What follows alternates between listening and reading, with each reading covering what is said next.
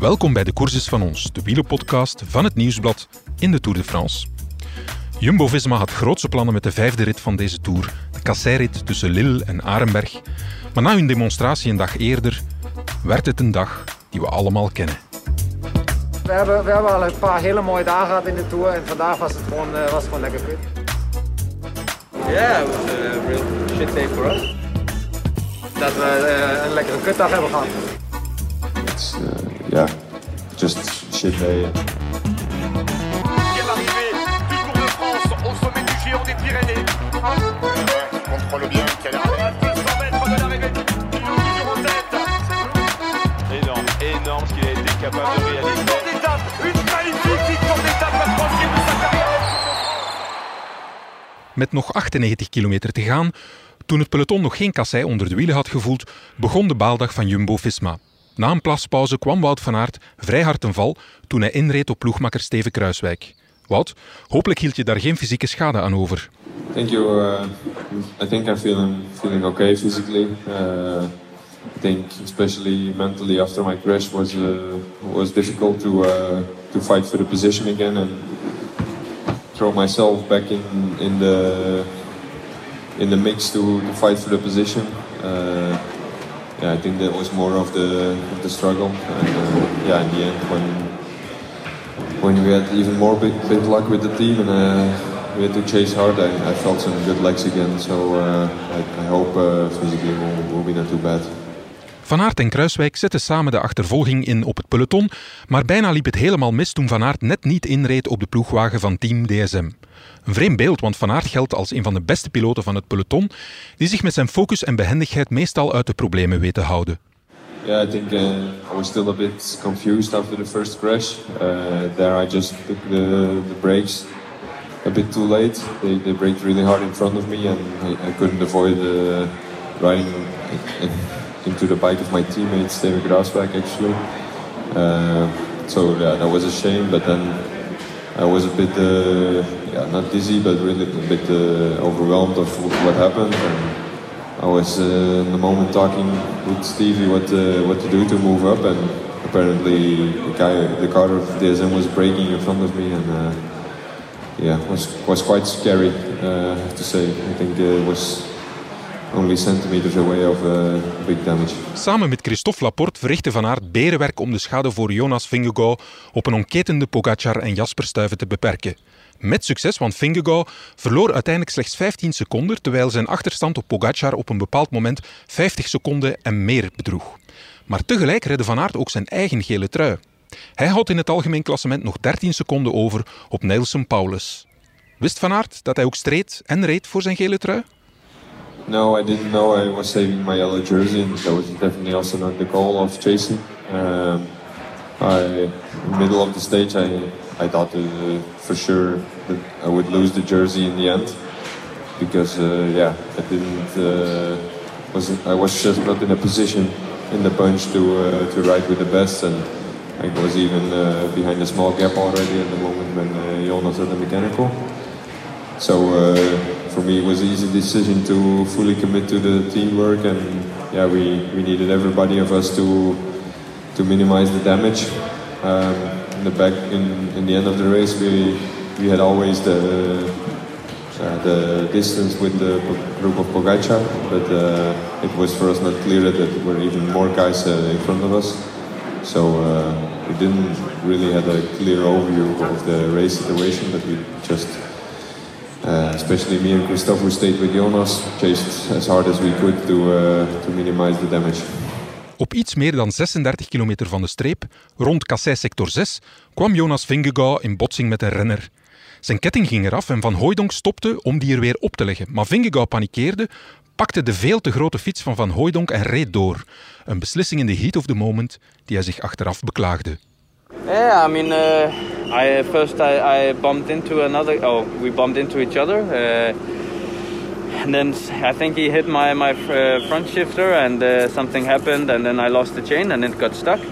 So then you wanted to change bikes? Yeah, uh, looking back, I should just have stopped and, and pulled the chain out, but Were you panicking? yeah, maybe I was a bit panicking. Uh, it was a bit stressful all day, and uh, yeah, looking back, I should have done it different, but uh, that's how it is, and I cannot change it now. De fiets van Van Hooijdonk was veel te groot voor Vingegaard. Hij stopte nog eens om de fiets van Kruiswijk te nemen, maar ook die zat niet lekker. Beeld je dit goed in. Op dat moment is Van Hooijdonk op de fiets van Vingegaard aan het rijden, Kruiswijk op de fiets van Van Hooijdonk en Vingegaard op de fiets van Kruiswijk. Volgt u nog? Nee? Het was ook totale chaos. Het beeld van de stoppende volgwagen van Jumbo-Visma met vier panikerende renners rond vat alles samen. En dan, zo'n vijf kilometer verder voor sector 5, liet het noodlot zijn duivels helemaal los op Jumbo-Visma. Primoz Roglic kwam samen met Caleb Ewan ten val door een strobaal op de weg. Roglic zou het zwaarste slachtoffer van de Nederlandse ploeg worden. Hij verloor liefst 2 minuten en 8 seconden op Pogacar. Van Aert en Co hadden aanvankelijk niet door dat Roglic gevallen was. Roglic moest zelfs even gaan zitten op een stoeltje van een toeschouwer om zijn ontwrichte schouder in de kom te duwen. Stel je voor. Het is een heuvel dat hij al eerder heeft voorgehad, dus hij kent de techniek om zichzelf te behelpen. Toen hij weer op weg was, liet Jumbo-Visma van Hooijdonk en Kruiswijk uitzakken om een tweede kopman voor het klassement bij te staan. Roglic kwam met rood doorlopen ogen van het stof en een gehavend lijf zijn verhaal doen. Uh, yeah, yeah. I mean, uh, yeah, I have some uh, some damage uh, on my body. I dislocated my shoulder, uh, and uh, yeah, uh, luckily still here. Yeah, because what happened at the crash? Uh, I I didn't so really good, but I think one motor uh, touched the the protection, and then yeah, it uh, slid uh, then into the middle of the road, and uh, we crashed. You were involved in, uh, in the crash together with some other cyclists. Uh, yeah. Yeah. And then you dislocated your shoulder. Did you have to, to put it in place yourself again, or how did it work? Yeah, yeah, exactly. How did you do that? I couldn't, uh, yeah, I couldn't put it immediately back in on the road. Uh, so I needed to sit there on the chair of the spectator, and uh, yeah, I do have a technique to pull like this down and uh, yeah, try to put it back in. Do you feel like you've lost the Tour de France? Uh, I, uh, I'm not so far uh, with, the, with the mind or the questions, but uh, mo- most of all try to try to recover. Waar er verliezers zijn, zijn er ook winnaars. Tadej Pogacar voelde zich kiplekker op de kasseien en de pech bij Jumbo-Visma was voor hem het signaal om het gas volledig open te draaien. Hij kon aanpikken bij Jasper Stuyven, Stoeven zegt hij zelf, die een poging deed om de vluchters te pakken. Pogacar was Stuyven dankbaar, want de Leuvenaar ramde als een gek op zijn pedalen en Pogacar kon hem maar net volgen. Uiteindelijk kwamen ze als zesde en zevende binnen, 15 seconden voor Vingegaard, Geraint Thomas, Vlasov en Co. en 2 minuten en 8 seconden voor Roglic. Pogacar had er vooraf voor getekend om geen tijd te verliezen op de Jumbo's, maar uiteindelijk boekte hij zelfs nog wat winst. In het algemeen klassement volgt Vingegaard nu op 21 seconden. I was uh, lucky, lucky nothing happened. Uh, my team supported me well today before the sectors, uh, and yeah, then it was just uh, going with the flow. And when Steven attacked, I tried to follow, but it was a little bit. He was so strong. I was barely following, and uh, I was just happy that uh, I come with him to the finish line. Today was was uh, all in all just to survive, not to not to lose any time, and yeah, in the end I even gained a little bit, but uh, not too much. But I think yeah, today should be should be a good day for us. En zeggen dat Jumbo-Visma een plan had om Pogacar aan te vallen in deze kasseirit. Ze zouden dat doen op sector 5. Uitgerekend in de aanloop daarnaartoe sloeg het noodlot toe voor Vingegaard en Roglic. Ploegleider Grisha Nierman doet zijn plan uit de doeken dat uiteindelijk in de prullenmand belandde. Ja, om, om aan te vallen eh, in de finale. Vanaf, vanaf de sector waar Primoz net daarvoor valt en, eh, en, en Jonas net daarvoor van wisselt. Dus eh, op dat moment was die plan gewoon in de prullenbak. Oh ja, en we zouden het bijna vergeten. De rit werd gewonnen door de Australiër Simon Clark. De eerste ritwinst in de Tour van Israel Premier Tech. Hugo over zijn toer. Elke dag nemen we jullie ook mee in de tijd. En dat doen we met een journalistiek monument van het Nieuwsblad. Hugo Korewits werd sportjournalist in mijn geboortejaar 1983 en hij heeft 25 Tour de France's op zijn palmarès. Hij legt ons uit hoe de Tour vandaag in Binge terecht is gekomen. Ja, vandaag zijn we in Binge, uh, Heenhoutse stad. De thuismatch voor Jean-François Bourlard.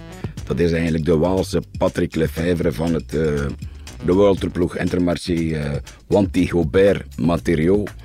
Uh, puur Heenhoutse ploeg. En de zetel van Wanty zelf is in Binge.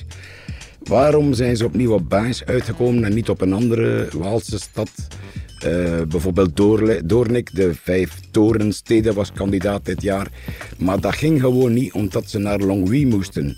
En uh, van Bainche naar Longwy, alleen al in de Meurthe et Moselle, is al 220 kilometer ver. Dus was het probleem, indien ze van Doornik vertrokken, dat ze eigenlijk een voorhistorische afstand gingen uh, moeten afleggen om die etappe te laten eindigen in Longwy. De etappe Bainche-Longwy wordt ook een beetje het afscheid, het adieu van Philippe Gilbert in de Tour de France. Uh, enerzijds start in Wallonië, in Bainche, en anderzijds rijdt het parcours onder de landsgrens door, ergens in, ver in zijn achtertuin naar Longwy. Dus op de weg zullen we veel, veel, veel, veel, veel zien. Het wordt een veel rouge. Uh, het is een verraderlijke etappe. Het is eigenlijk een etappe die op het lijf geschreven was van twee mensen die er niet zijn. De Julien Alaphilippe, uh, Punchy aankomst, aankomst en zijn de Greg van Avermaat. Jawel, Greg van Avermaat had er graag een uh, revanche genomen, maar ik kan het dus niet. Ziezo, we zijn aan het einde gekomen van ons dagelijks uitstapje in de Tour de France. Bedankt om opnieuw bij ons te zijn en heel graag tot morgen. Dan zijn we er opnieuw vanaf 7 uur s ochtends. Geniet van de Tour in België.